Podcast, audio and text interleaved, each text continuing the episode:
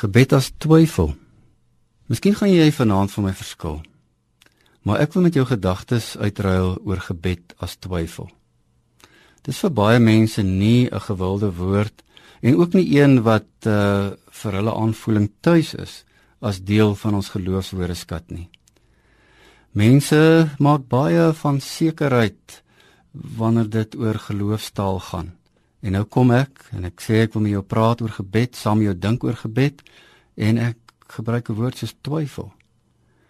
Maar as ons weer die gebedeboek van Israel in die kerk nadersleep en ons dit noukeurig lees en ernstig neem, is dit tog duidelik dat twyfel deel van gebed kan wees.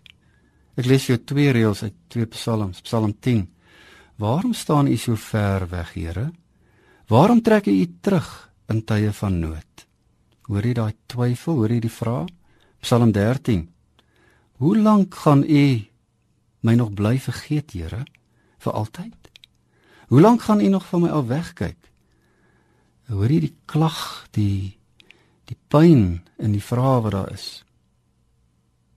Dink net hoe groot deel van ons psalmbundel is klaagliedere. Gebede vol twyfel en onsekerheid.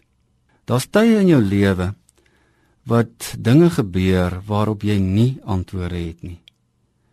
Dinge wat jou verbuister. En as mense dan kom met maklike klisjé-agtige antwoorde, dan help dit jou nie. Maar dank Vader, jy kan hulle ignoreer en die gebedeboek nader trek en jy kan hierdie taal van verbuistering hoor en jy kan dit jou eie maak. Dankie jy met vrae en al, met protes en al voor God bly staan. Jy kan vra hoekom, wanneer, hoe, waarom het hierdie goed so gebeur? Jy kan jou pyn voor God verwoord. Dan is dit vraagwoorde wat deel is van gebed.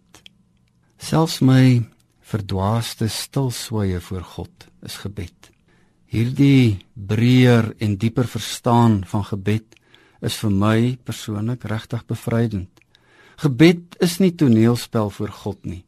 Ek hoef nie voor te gee dat ek iets voel wat ek nie voel nie. Ek hoef nie 'n loflied te sing as ek nie kan nie. Ek word nie afgerig om die regte goed te sê nie. Ek kan maar net bid, twyfel en al. Weereens, dis anders, né?